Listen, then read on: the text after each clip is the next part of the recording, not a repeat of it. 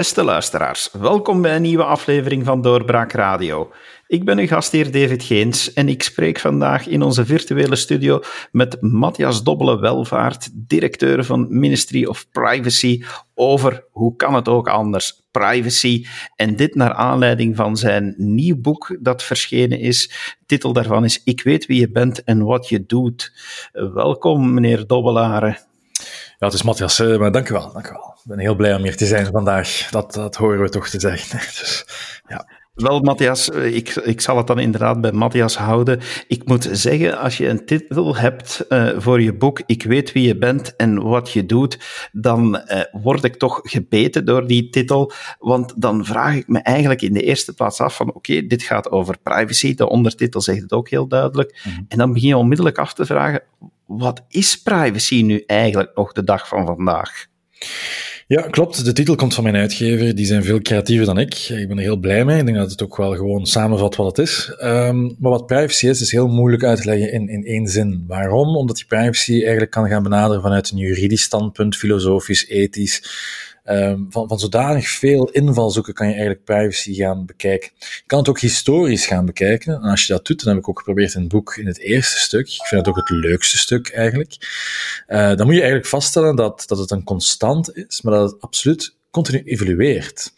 En dat het begrip dat wij onder privacy kennen, heel jong is. Dus amper 150 jaar oud. Dus privacy is niet, ik zei een constante, ik bedoelde geen constante.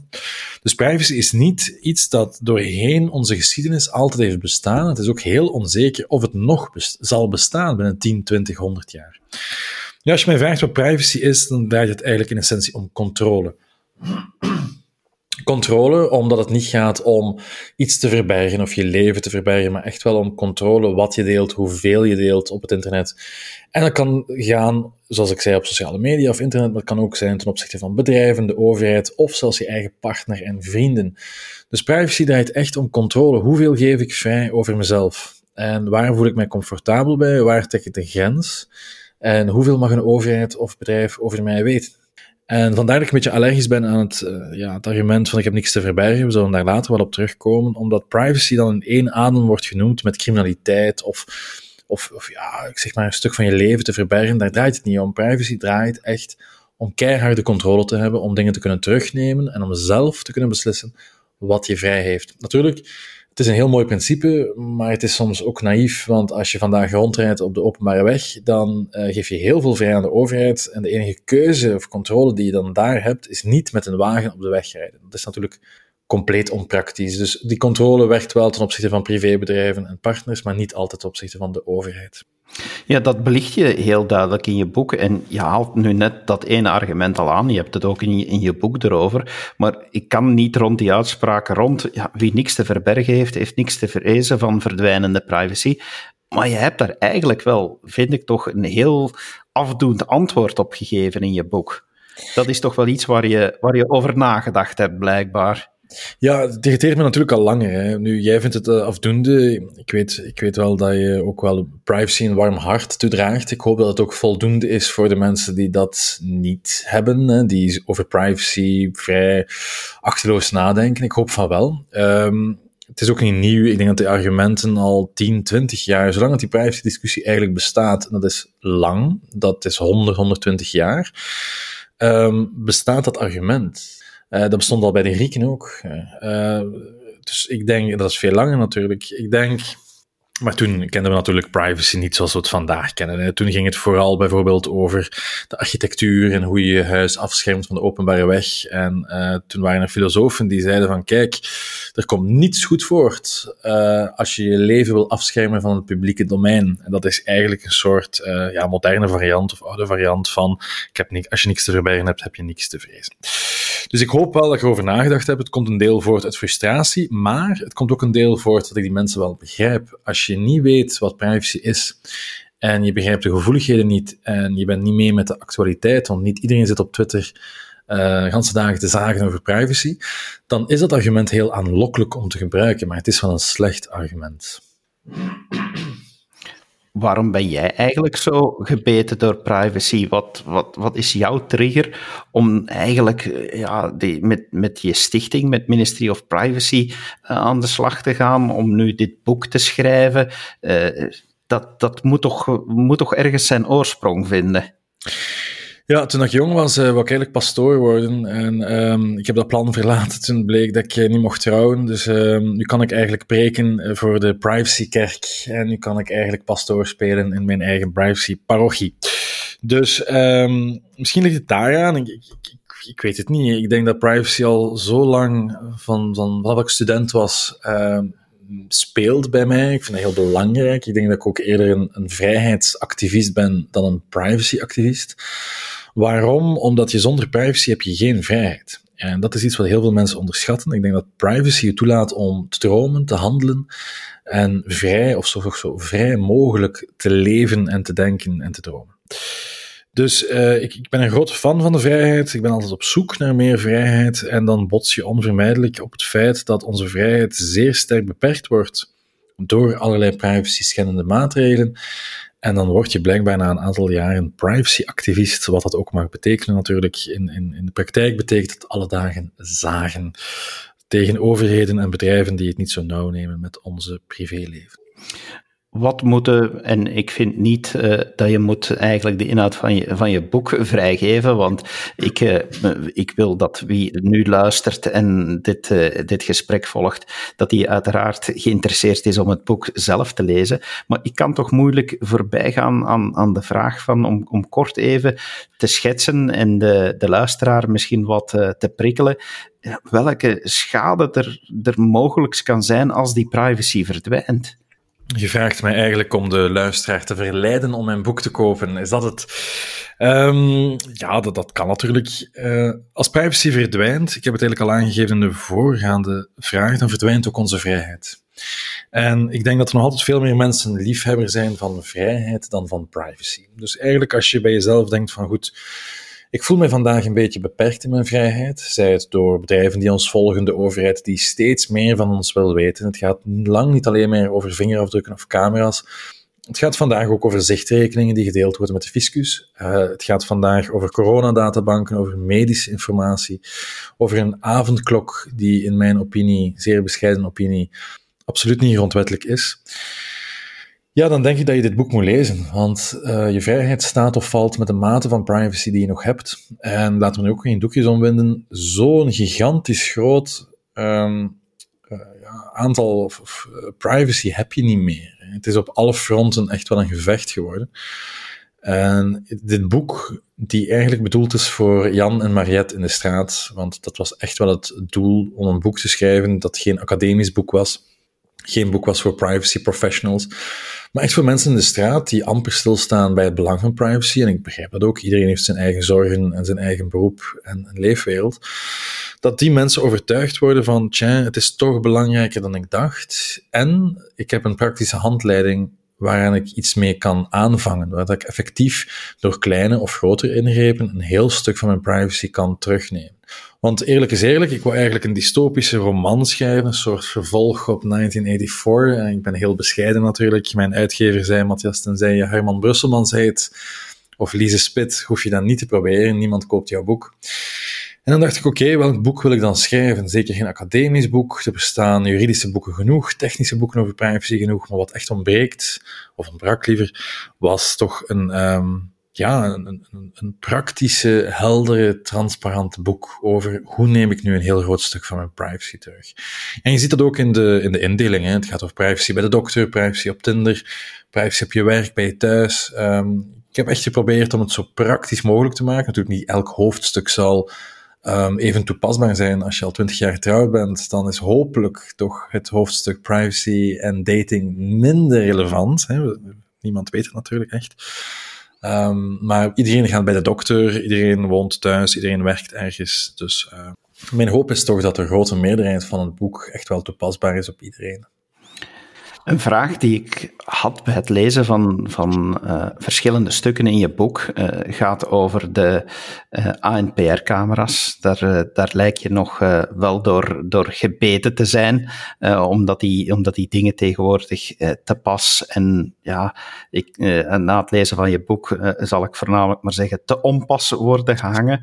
En je zegt van dat, die, dat die eigenlijk inefficiënt zijn omdat ze de hooiberg vergroten is dat dan geen argument om nog naar, naar meer slimme camera's te gaan met gezichtsherkenning, die dat dan wel heel specifiek gewoon gaan kunnen antwoorden wanneer de politie de vraag stelt waar en wanneer werd persoon X gezien? Ja, dat is echt een heel interessante vraag en ik vind het niet zo makkelijk om daarop te antwoorden. Nu, voor alle duidelijkheid, de quote um, komt van de vroegere topman van OCAT. Um, die heeft nu een andere job, die zit nu bij het kabinet van, van Quickenborne. Um, en die zei ooit over die, inderdaad die camera's van kijk, het is echt niet de bedoeling als je een naald zoekt in een hooiberg, dat je die hooiberg nog veel groter gaat maken, want dan gaat ze nooit vinden. En je hebt ergens wel een punt natuurlijk dat hoe sterker of hoe gedetailleerder technologie wordt, ja, hoe makkelijker het dan wel wordt om die naald dan toch te vinden. De vraag is natuurlijk van hoeveel infrastructuur en hoeveel software en hoeveel jaar heb je nodig om tot op dat niveau te komen. Als je vandaag kijkt, er staan duizenden ANPR-camera's. Ik heb echt het gevoel als ik rondrij, natuurlijk niet meer na middernacht, dat mag niet meer, um, dat er elke week camera's bijkomen. Dat er elke week uh, nieuwe ANPR-camera's, of tenminste toch palen staan. Hè? Want het zijn twee bedrijven, Traffic Road en Proximus. Traffic Road is meestal eerder klein dan Proximus, ik moet altijd even lachen. Um, maar ja, misschien wel. Ik vind het een heel, heel interessante vraag die je stelt. En ik denk dat de politie dan wel zal antwoorden van ja, eh, David heeft gelijk, eh, we moeten echt wel eh, nog meer camera's hebben. Maar ik denk dat er heel veel van ons die nu luisteren, nu al zoiets hebben van kijk, ik ben wel nog altijd onschuldig. Wij leven nog altijd in een democratische rechtsstaat, waar schuldigen veel te vaak hun straf ontlopen en onschuldigen veel te vaak boetes krijgen voor van alles en nog wat. Die ANPR-camera's die werden er gezet door Jan Bon, door zijn kabinet en door andere fans, om zware criminelen en terroristen op te sporen. Dat zijn zijn eigen woorden die hij heeft gezegd. Je zou nog kunnen zeggen van goed, niemand houdt van zware criminelen en terroristen. Dus ergens hebben die camera's dan misschien toch een nut. Maar wat zien we vandaag? Dat die ANPR-camera's, 90% van die meldingen wordt verticaal geclasseerd. De politie heeft geen mankracht genoeg om die op te volgen. Um, en ze, ze volgen helemaal die zware criminelen en die terroristen niet. Terroristen en zware criminelen die zullen wel een valse nummerplaat ergens kunnen krijgen. Uh, het is de brave burger die ja, dan misschien eens 10 km per uur te snel rijdt, die, die het gelach en vooral die ANPR-camera's betaalt, want die zijn niet gratis, die, die kosten heel veel geld. In mijn brave gemeente uh, zei ooit 80% dat ze zich hier heel veilig voelden. En op de vraag, moeten er meer camera's komen, zei 85% ja. En dan denk ik van, tja, dat is echt veel vreemd. Die, die vier camera's kosten 225.000 euro zonder onderhoudscontract, weliswaar. Uh, eentje daarvan staat op een paar honderd meter van mijn deur. Dus die camera registreert elke keer wanneer ik vertrek en thuis kom. Um, het is ook de enige camera die ik ooit zag met een anti-vandalisme vandalisme pakket rond. Daar zitten dus kraaienpoten rond en, en versterkte beugels. Het uh, heel komiek. Um, maar nee, ik ben niet voor meer camera's. Ik ben voor veel gerichter en beter politiewerk. Dus ik denk dat alle terroristen uh, die nu zijn opgepakt, dat voortkomt uit uh, goede oude politietactieken, door infiltratie, door, um, door zeer gedetailleerd speurwerk en niet door langs elke straathoek in elk vergeten dorp daar een uh, zeer dure camera te hangen. En je hebt gelijk, ze, irriteren me echt mateloos, omdat je nog kan zeggen, bij financiële privacy bijvoorbeeld, je ziet het eigenlijk niet, hè, dat de fiscus en de banken zoveel data over jou verzamelen, maar bij die camera's, ja, staan echt wel op je gezicht gericht. Dus mijn middelvinger draait echt overuur naar al die camera's. Ooit ga ik alle beelden opvragen uh, van die camera's. Dan heb ik een heel mooie collectie uh, middelvingers uh, van mezelf op mijn computer. Je waarschuwt ook voor de nieuwe identiteitskaart, waar onze vingerafdrukken, of toch een deel van die vingerafdrukken, worden op opgeslagen. Dat dit misschien de opstap kan zijn naar een systeem dat vingerafdrukken van iedereen in een centrale databank komen. Is dat nu niet iets waarvan je denkt van, als je daarover gaat spreken met Jan met de pet en Mariette, zoals je ze al noemde, dat die zeggen van, och ja, als daar misdaden sneller mee opgelost raken, wat kan mij het schelen dat men mijn vingerafdrukken heeft? Is dat nu net al niet het stukje privacy waarvan we, of waarvan de gemiddelde Vlaming zal denken, och ja, wat geeft het? Ik weet het niet. Ik, ik, krijg nu elke, of wij krijgen nu elke week meerdere meldingen binnen van mensen die bij de gemeente of stad moeten langsgaan. En dus inderdaad, ofwel zichzelf, ofwel vanaf 12 jaar hun kinderen de vingerafdrukken moeten afstaan. En ik merk dat er heel veel woede is uh, rond die maatregel. Ik word nu bijna elke dag gebeld door mensen die, die dat niet willen en dan vragen wat kan ik doen. Mijn advies is dan altijd om, tot zolang het grondwettelijk hof geen uitspraak heeft gedaan, om dat gewoon te weigeren. Sommige ambtenaren doen zeer moeilijk en men moet dan bellen naar een diensthoofd. En de meeste diensthoofden zeggen dan van oké, dat begrijpen we, dan wachten we op de uitspraak van het grondwettelijk hof.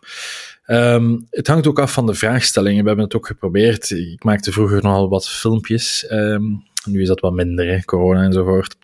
Ik heb ook minder de noodzaak om mijn gezicht overal te zien verschijnen op het internet. Um, en daar vroegen we aan mensen in Gent op straat van, kijk, vind je privacy belangrijk? En vind je het een goed idee dat de overheid jouw vingerafdrukken neemt? Maar als je die vraagstelling anders formuleert, hè, vind je het eigenlijk gevaarlijk dat de overheid jouw vingerafdrukken nu heeft? Dan zegt iedereen ook ja. Dus het, het, hangt echt af van de vraag. En wat toont dat dan vooral aan? Dat mensen inderdaad er nog niet echt over hebben nagedacht, tot op het moment dat ze ermee geconfronteerd worden. En wat toont dat ook vooral aan? Dat als je onderzoeken leest van VIAS of van andere uh, actoren, uh, dat je het altijd met een korrel zout moet nemen, omdat heel veel afhangt van de vraagstelling die die mensen hanteren. Uh, kijk, nu we aan het praten zijn, komt er een e-mail binnen en het, het onderwerp is betreft de vingerafdruk. Dus het, het, leeft echt weer opnieuw, want natuurlijk sinds 1 januari 2021 moeten alle gemeenten en steden de vingerafdruk vragen, dus ik verwacht echt een stortvloed aan e-mails. Ook al doen we alle campagnes sinds 2018, hebben we 25.000 euro ingezameld en is de procedure van het Grondwettelijk Hof nog altijd niet afgerond, tot mijn grote frustratie. Zal het pas nu echt beginnen leven, denk ik. Dus het is typisch des mensen dat we pas zorgen maken als we er zelf mee geconfronteerd worden. De gemiddelde Vlaming, eh, om toch directer op uw vraag te antwoorden, die bestaat niet, denk ik. Ik denk dat de meeste Vlamingen wel degelijk hun privacy belangrijk vinden. Maar, en ik kan het ook, ook moeilijk kwalijk nemen, dat ze te weinig daarbij stilstaan wat privacy is, wat het voor hen waard is. Want we worden natuurlijk uh, bestookt met thema's die we allemaal belangrijk moeten vinden, zoals het klimaat, migratie, uh, corona, gezondheid enzovoort enzovoort. En dan privacy komt er dan nog eens bij. En ja, let's face it, de meeste mensen liggen s'nachts wakker van ga ik mijn job morgen nog hebben, uh, wordt mijn partner niet ziek, word ik zelf niet ziek. En dat is allemaal super terecht. Ik kan dan niet zeggen dat het niet terecht zou zijn. Uh, het, is, het zijn alleen maar de zotten die s'nachts wakker liggen over onze privacy.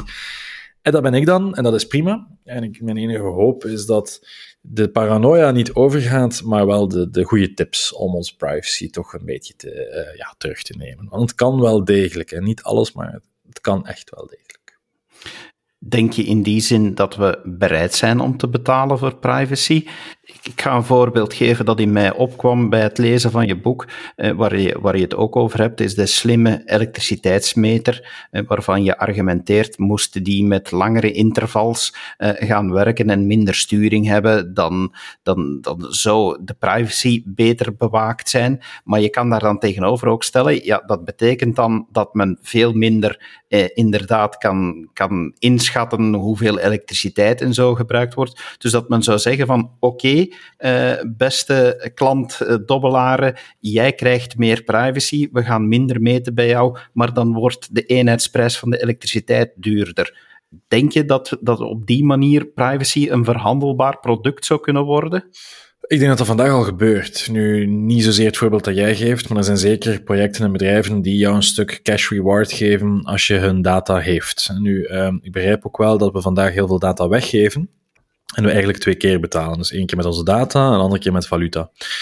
Dus um, ik vind privacy as a currency, zoals dat dan heet, um, gevaarlijk iets. Maar dat komt dan vooral uit een ethisch standpunt, omdat ik vind dat privacy in, in, in, ja, een filosofisch en mensenrecht is, en een filosofisch hoog goed is. En dat je het eigenlijk gaat gaan vermarkten als zijnde iets wat geld waard is. Dat is hetzelfde zeggen van, kijk, um, ik zou graag hebben dat je een bepaalde mening niet geeft en we gaan u daarvoor betalen, hè, het feit van meningsuiting. Dat gebeurt misschien vandaag, dat heet dan influencers, die op Instagram allerlei zaken gaan aanprijzen, die een mening opgedragen krijgen, maar goed, daar heb je nog de keuze.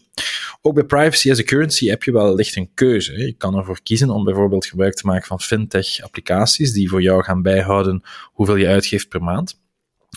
Nu, voor alle duidelijkheid, ik ben niet tegen die slimme meter. Waar ik tegen ben, is tegen de verplichting daarvan. Hè. Men moet een slimme meter nemen en men kan niet weigeren. Het enige wat wij vragen eigenlijk is een opt-out. Dus dat je eigenlijk kan zeggen van, kijk, ik wil die slimme meter niet, ik wil terug naar het klassieke model. En nee, dat zou je echt geen geld mogen kosten.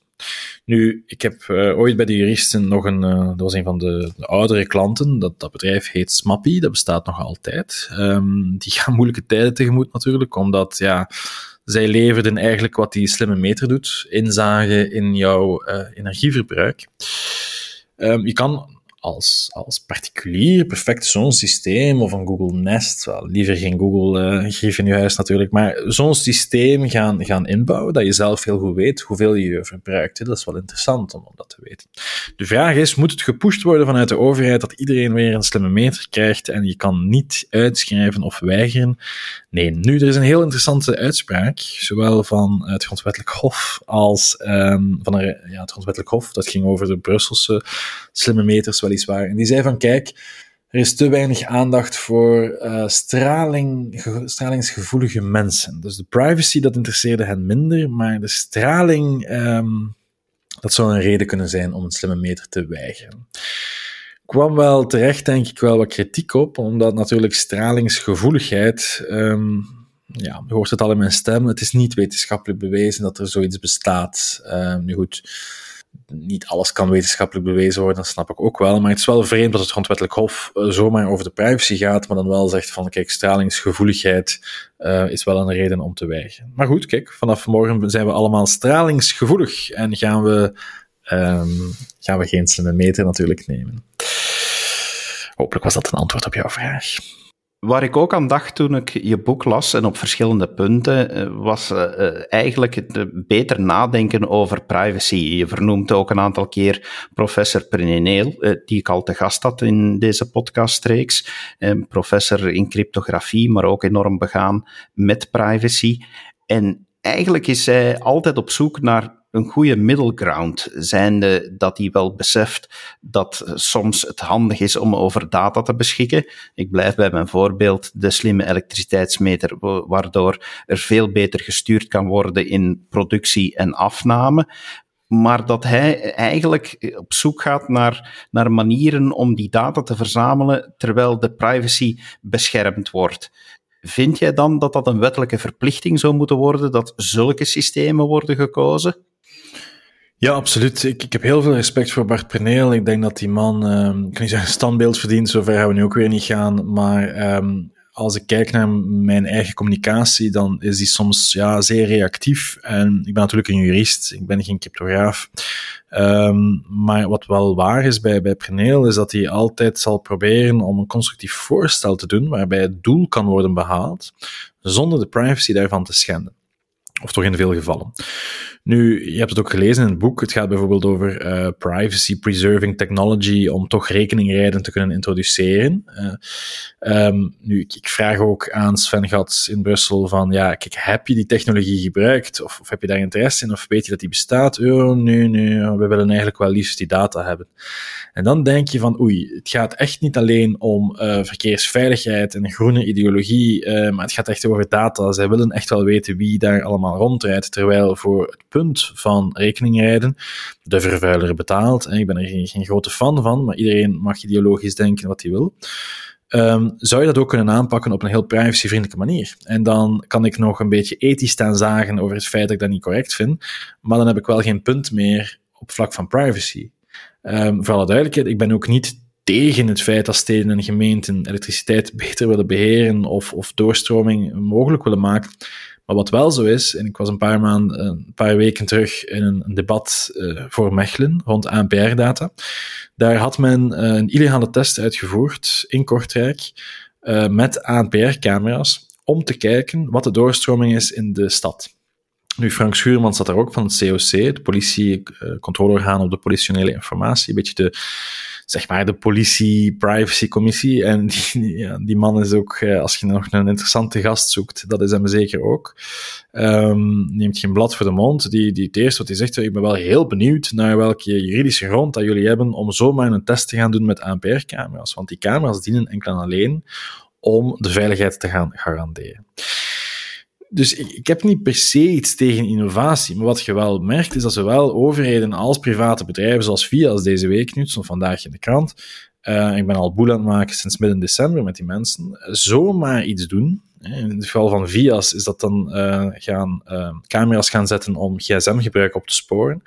Men heeft daar gewoon camera's gehangen over de E17 en bestuurders gefilmd, zonder hun medeweten, zonder hun toestemming. Oké, er volgt geen echte boete, maar als we dat gaan laten passeren, dan Vias is geen overheidsbedrijf, voor alle duidelijkheid. Want heel veel mensen denken dat Vias is een privaat en een stukje publieke actor, maar vooral een privaat bedrijf die geld verdient, veel geld verdient trouwens, uh, met dit soort zaken.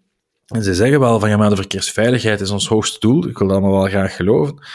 Maar je moet wel zorgen dat als je innovatie predikt, dat je het wel doet binnen de lijnen van onze privacy. Want uh, men zegt, ja, ons, ons project is privacyvriendelijk, maar je begint eigenlijk op heel slechte voet.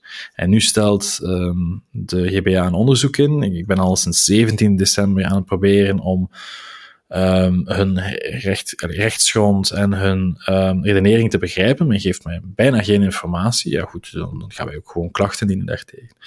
Dus opnieuw, innovatie is leuk, maar doe het dan wel binnen de lijnen van wat mag en met respect voor onze individuele privacy. Dat is het enige wat wij vragen. We zijn niet anti-internet.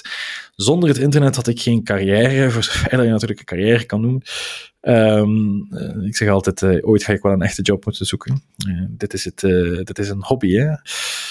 Um, en zonder internet had ik geen, geen lief die vandaag mijn verloofde is. Dus we moeten allemaal wel een beetje. Ik ben niet tegen technologie. Ik ben tegen een slechte toepassing door mensen van technologie. U schrijft in, dit boek, in, in het boek ook dat er ja, volgens u meer mankracht en middelen moeten zijn voor politie, zodat er meer echt politiewerk kan gebeuren, gericht speurwerk, dat dat allemaal veel beter zou zijn. Zit daar tegelijk ook niet het gevaar in dat net politie degene zijn die heel graag aan onze privacy komen knabbelen? Er zullen zeker en vast agenten zijn die dromen van een samenleving waar op elke straathoek daadwerkelijk een slimme camera staat die ze in Brussel kunnen gaan plukken en live bekijken. Maar ik weet van heel veel agenten, van heel veel commissarissen waarmee dat ik graag praat, die, die ook mijn kant soms nuanceren. Die zeggen, kijk Matthias, we vinden privacy belangrijk, maar we moeten ook nog altijd boeven uh, vangen. En dan snap ik dat ook. Ze leggen dat op een heel heldere manier uit. Maar er zijn nog vooral heel veel agenten die de evolutie die vandaag gebeurt absoluut niet goed vinden. Um, nog iets. Net zoals ik niet tegen het internet of digitaal ben, ben ik ook niet tegen de politie. Ik ben geen, uh, zeg je dat? Ik ben geen anarchist of zo. Hè. Ik hou wel van een minimale overheid, maar ik denk dat de politie zijn bestaansrecht heeft. Um, maar dat onze overheid en onze bestuursmensen miljoenen gooien naar private bedrijven met dure technologie en met dure beloftes. Terwijl politievakbonden, oké, het zijn vakbonden, hè, ik snap het ook wel, maar ze zullen wel een grond van waarheid hebben, uh, klagen dat de koffiemachine in de, in de, bij de politie niet meer werkt. En we hebben dat trouwens ook kunnen zien, uh, want er was op, uh, ik denk, 1 of Canvas, een serie met uh, Fatma Taspinar, waarbij ze uiteindelijk de, de recherche verrast met een, een nieuw koffiezetapparaat. En dan denk ik van, jongens, zorg dat je... Zorg eens voor een deftige infrastructuur voor de mensen die op het veld staan. Zorg voor een degelijke opleiding, een betere opleiding. Het ging, ik zag dan politiemensen staken omdat ze een schietoefening niet hadden gedaan. Wat was dan uiteindelijk degene die uh, de schorsing gaf, die dat had moeten regelen. Dan denk ik van, stop eens met dure technologie te kopen, waar één, twee, drie bedrijven zeer goed van worden, ons belastingsgeld, wat we toch al genoeg, denk ik, afgeven, gooien naar die private lobbybedrijven en start eens met de mensen die op het veld staan, met politieagenten, te belonen voor wat ze doen. En als je sommige beelden ziet van die politievangbonden, dan denk je echt van, oef, ik zou vandaag helemaal niet graag politieagent zijn. Dus ik heb heel veel respect voor wat die mensen doen op het terrein van een verkeersagent tot de FCCU, die internetcriminaliteit moet ehm, eh, benaderen. Die FCCU, die werkte ooit met de Federal Computer Crime Unit, voor alle duidelijkheid, die werkte ooit met 50 agenten. Daar zitten nu volgens mij 10, 15 mannen. Waarom? Omdat de loonschaal totaal uh, ja, ridicuul is als je het vergelijkt met wat die mensen kunnen verdienen op de private markt. Zorg eens dat je geld pompt in de FCCU, in een goed koffiezetapparaat, in goede opleidingen. Dan ga je veel verder mee komen, dan ga je veel meer boeven mee vangen dan elke onschuldige burger continu 7 op 7 en 24 op 24 uur te gaan volgen en te gaan monitoren. Want het onschuldspresumptie, toch een zeer belangrijk iets in ons recht. Wij zijn onschuldig tot een rechtbank anders daarover oordeelt, of een jury. Die wordt elke dag met de voeten getreden. En ik denk dat het nu echt al tijd is om, om nu gewoon te zeggen: we gaan het anders gaan doen. We hebben nu een nieuwe regering, een nieuw parlement. Ik weet niet wat ze gaan uitvreten. Het is nog heel jong. Ik hoop wel dat ze aandacht gaan hebben voor onze democratie en onze rechtsstaat. Wat dat ik eigenlijk wilde weten, eh, is ook wanneer ik u nu interview, is of dat u gaat wit uitslagen bij de volgende vraag. Wat vindt u van het gebruik van bodycams bij de politie? Nee, dat valt eigenlijk nog mee. Uh, in principe ben ik daar geen groot fan van, maar het, het, waarom? Niet zozeer het privacy-oogpunt. Want als burger heb je ook het recht om de politie te filmen. En ik raad ook elke burger aan bij een politieinterventie om heel beleefd weliswaar uh, te zeggen tegen die politieagent van kijk, als je bodycam aanzet, ik ga ook mijn camera aanzetten. En dan hebben we twee oogpunten en niet één. De meeste agenten hebben dat niet graag, maar het mag. Je mag natuurlijk die beelden niet op Facebook gooien. Dat, dat is redelijk logisch, hoop ik. Maar ik ben er een, geen fan van omwille van een zeer um, praktisch operationeel aspect, namelijk dat een bodycam zeer schokkerige beelden oplevert. Dat wil zeggen, en stond een artikel een jaar of twee jaar geleden heel mooi gevisualiseerd in Amerikaanse media, ik kan er niet meer echt opkomen. Waarbij er een onderzoek werd gedaan, een agent had een bodycam aan, dat was een niet bedreigende situatie door, de, door camera's die er rond stonden, die de volledige situatie konden filmen. Maar op de bodycam, in die beelden, doordat het zodanig schokkerig was, werd dat als heel dreigend ervaren. Dus een bodycam geeft de illusie dat ze een bewijs zijn van de situatie, maar in de meerderheid van de gevallen verdraait de perceptie, verdraait de werkelijkheid. Um, maar goed, als de politie dat graag wil doen, dan, dan moet ze dat natuurlijk maar doen. Maar dan moet ze ook erkennen dat een burger ook het recht heeft om die interventie te filmen. En dan heb je tenminste toch twee uitgangspunten. Nu, wat zie je in de praktijk? Dat agenten roepen, hey, stop je met filmen, uh, kan je gsm afnemen? Dat soort zaken, dat kan allemaal niet. Dat...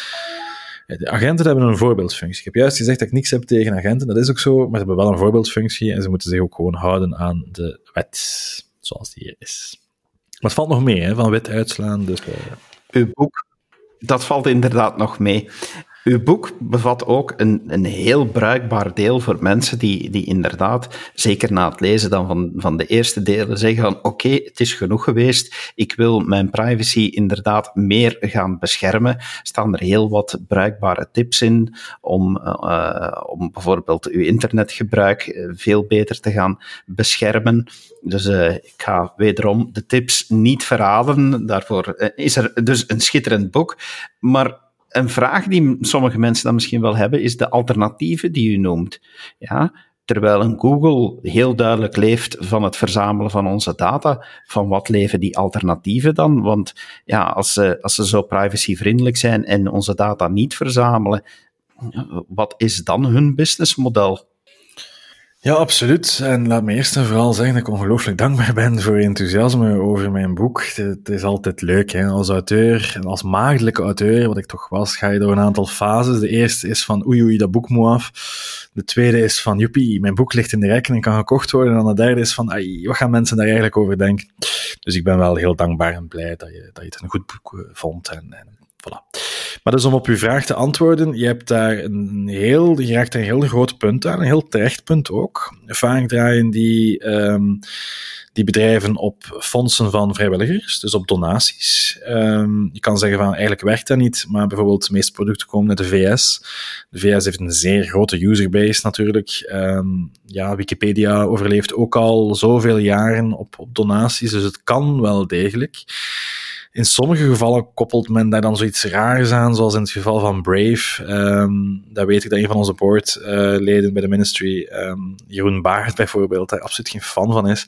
Maar die, die, ja, die hebben dan een soort cryptocurrency, een soort reward. Bij Brave geef je eigenlijk een stuk crypto aan, aan, een mensen die een interessante tweet heeft geplaatst of een, iemand die een blogpost heeft geschreven. Dat, dat is wel leuk, maar ja, ga je daar rijk van worden? Uh, servers moeten betaald worden. Hè? Dus ik denk dat heel veel komt van stuk van subsidies. Wij vangen geen subsidies, helaas. Ik heb er wel voor gekeken, maar de Ministry of Privacy lijkt nergens thuis te horen. Tenzij ik iets doe voor senioren of schoolkinderen of zo, maar het is uh, toch niet zo makkelijk. Maar het lukt ons prima zonder subsidies. Um, maar goed, eh, die, die, die bedrijven of die projecten bestaan voor een heel groot stuk één uit vrijwilligers, die vrijwillig tijd doneren om bepaalde uh, werken te doen. Zij het coderen, zij het frontend gaan designen, zij het marketing, uh, wat dan ook. Uh, en voor een ander groot deel uit donaties en soms hier en daar geen subsidie. Je voelt ook wel zelf aan dat als je op die manier een product maakt, dat het heel moeilijk is om te concurreren met miljarden bedrijven zoals Google, Facebook, Twitter enzovoort. Dus, um, en het is altijd een risico, vandaar dat ik in mijn boek weliswaar technologie aanraad, maar mij nooit erop durf vastpinnen omdat vandaag bijvoorbeeld is Signal. Signal is een zeer veilige um, messaging applicatie, zoals WhatsApp, maar dan beter. Of, of uh, Facebook Messenger. Um, dat is al helemaal uit een boze. Wij hebben elkaar, denk ik, net voor het interview gestuurd op Signal. Ik ben er heel blij mee. Um, nu, het grote probleem is natuurlijk de userbase. Er zitten wel al veel meer mensen op dan in het begin, maar het is altijd niet hetzelfde als een Twitter DM of Facebook Messenger. En het andere gevaar is dat die ooit worden overgekocht door een grote multinational, een grote corporate, en dat je dan applicaties krijgt die ja, niet meer zo privacyvriendelijk zijn. Dus het is een heel interessante vraag en het is een, echt een zeer oneerlijk gevecht. Dat, dat is het sowieso. Vechten tegen Google is ja, zo goed als onbegonnen werk eigenlijk. Blijkbaar is het schrijven van een boek ook niet altijd zo even privacyvriendelijk, want ja, uit het boek weten we dan toch ook wel dat u motorliefhebber bent. Uh, dus dat is toch wel iets zeer persoonlijk. En dan vraag ik me af, als afsluitende vraag, bent u motorliefhebber omdat u weet dat de ANPR-camera's langs voren filmen en dat uw nummerplaat niet vooraan op de motor hangt? Ja, het gebeurt niet vaak eh, dat je in staat bent om zo'n primeurtje te krijgen, maar daar in de knak is dat toch gelukt. Ik heb toen gebeld naar het agentschap Wegen en Verkeer, vooraleer dat ik die opinie of dat stuk schreef, van kijk, uh, waarom hangen jullie nieuwe camera's eigenlijk op de voorzijde? De uitleg van de woordvoerder van het agentschap is dat um, bij vrachtwagens het makkelijker is om op die manier de bestuurder te gaan identificeren, omdat de oplegger niet altijd klopt met de trekker van het, het, het voertuig. Nu, ik vind dat een beetje een, een heel complexe, bizarre uitleg, omdat natuurlijk als je een leasingwagen hebt of je bent de truckchauffeur, uh, dan moet die papieren kloppen. Dan weten leasingbedrijven, maar ook uh, vrachtbedrijven wel degelijk welke trekker en welke bestuurder daar aan hangt. Uh, plus, je moet ook rekening houden dat allemaal wel leuk kan zijn. Dat je nog zou kunnen zeggen van kijk, Belgische chauffeurs zullen wel in orde zijn, maar zijn chauffeurs uit Roemenië en Polen dat ook? Ja, maar dat is onzin, want onze ANPR-camera's kunnen dat niet verwerken. Eh, die kunnen geen buitenlandse nummerplaten uh, verbaliseren, tenzij er een, een, een samenwerkingsakkoord is, zoals met Frankrijk en Nederland en zelfs Duitsland. Dus mij is het echt een raadsel waarom die ANPR-camera's de shift hebben gemaakt van de achterzijde, de officiële nummerplaat, naar de voorzijde. Nu pas op, ik heb ook onderzocht van oké, die voorzijde, is dat eigenlijk wel een, een, officiële nummerplaat? Mag je daar geverbaliseerd op worden? Ja, is het antwoord. Dat is gelijk getrokken een aantal jaar geleden in de wetgeving. Maar goed, uh, om op uw vraag te antwoorden, ik heb nogal de neiging om uit te wijken, blijkbaar. Um, ik ben een zeer, uh, zeer liefhebber van motoren. Ik moet wel zeggen, sinds de corona uh, zit ik daar maar nog weinig op. Vroeger reed ik alle dagen met de motto, winter, zomer. Ik ging tienduizenden kilometers op reis gaan maken, weliswaar verspreid over een aantal jaar natuurlijk. Met solo-ritten doorheen Oost-Europa, Noorwegen, Zweden, Scandinavië. Fantastische reizen gemaakt. nu, is dat, nu staat het op een dipje. Nu hoor ik me meer bezig met mijn hobbyboerderij. We moeten iets doen tijdens corona. Um, maar ja, ik, hou van motorrijden één, omdat het waarschijnlijk toch ook weer een zucht is naar vrijheid, om toch het begin van het interview weer aan te raken. Ik ben altijd op zoek naar meer en grotere vrijheid. Nu, dat is de eh, verdienste van Harley Davidson en hun marketingafdeling, dat we eigenlijk geloven dat motorrijden gelijk staat met vrijheid. Voor een deel klopt dat ook wel. Je, je zit veel vrijer, je kan, kan veel meer zien, je kan veel meer bewegen dan in een, uh, wat wij noemen cagers. Dus als je in een cage zit of in een auto. Aan de andere kant is het inderdaad, zoals je aangeeft, verrassend om te moeten vaststellen dat de meeste privacy op de weg ofwel komt met de fiets, maar daar rijd ik niet zo graag mee, of met de motto, want je hebt ook nog eens een helm aan, dus gezichtsherkenning wordt heel moeilijk en je hebt geen nummerplaat, voorlopig tenminste, op de motor. Toen ik doorheen Noorwegen, Zweden en Finland uh, reisde, dat was heel mooi, kon ik onmogelijk geflitst worden. Hun flitspalen flitsen langs de voorzijde. En ik vroeg aan de motaar daar van, ja, maar ja, hoe doen jullie dat? En die zegt, ja, wij, wij proberen ons verstand te gebruiken, maar daar gebruiken ze misschien wel iets meer verstand dan hier. Ik denk, mocht het hier het geval zijn, iedereen kruipt op een motto. Uh, maar het geeft, het is zeker een voertuig dat jou iets meer privacy bezorgt dan een wagen. Uh, maar dat gaat maar op tot zolang er niet te veel motards zijn, want dan komt er sowieso een verplichting voor de nummerplaat vooraan. En dan zijn we weer letterlijk en figuurlijk gezien. Laten we ons dan maar snel over ophouden. Matthias, dank je wel om ons uh, heel veel te leren over privacy. En wie nog meer wil weten, die kan ik zeker aanbevelen om uh, langs te komen op onze online boekhandel, waar je boek ook te krijgen is. Ik weet wie je bent en wat je doet, hoe we onze privacy verliezen en wat je daaraan kunt doen. auteur Matthias Dobbelaar Welvaart, zeker te vinden op onze website. Ik zal ook nog de link plaatsen bij deze podcast. Dankjewel, Matthias. Dat is heel graag gedaan. En voor alle duidelijkheid, ik heb hier niet voor betaald, want je bent zo enthousiast over het boek, dat mensen gaan denken dat dit een advertorial is, maar uh, dat, dat, dat zit dus niet. Ik heb je niet betaald, maar ik ben wel absoluut, absoluut dankbaar en ongelooflijk enthousiast dat je het een goed boek vond. Dank u wel daarvoor. Die betaling die regelen we achteraf inderdaad nog wel. uh, Verdomme. Beste, beste luisteraar, alle gekheid op een stokje. Het is echt een, een boek dat aan te bevelen is. Het heeft mij ook aan het denken gezet. En ik denk dat u best ook even kan nadenken over wat privacy betekent. En waarom u niet moet denken dat wie niks te verbergen heeft, ook niks te vrezen heeft van verdwijnende privacy. Dank u wel dat u geluisterd hebt naar deze podcast en graag tot de volgende keer. Dag. Dit was een episode van Doorbraak Radio, de podcast van doorbraak.be. Volg onze podcast op doorbraak.be/slash radio of via Apple Podcasts, Overcast of Spotify. Bezoek ook onze website op doorbraak.be en steun ons door een vriend te worden van Doorbraak.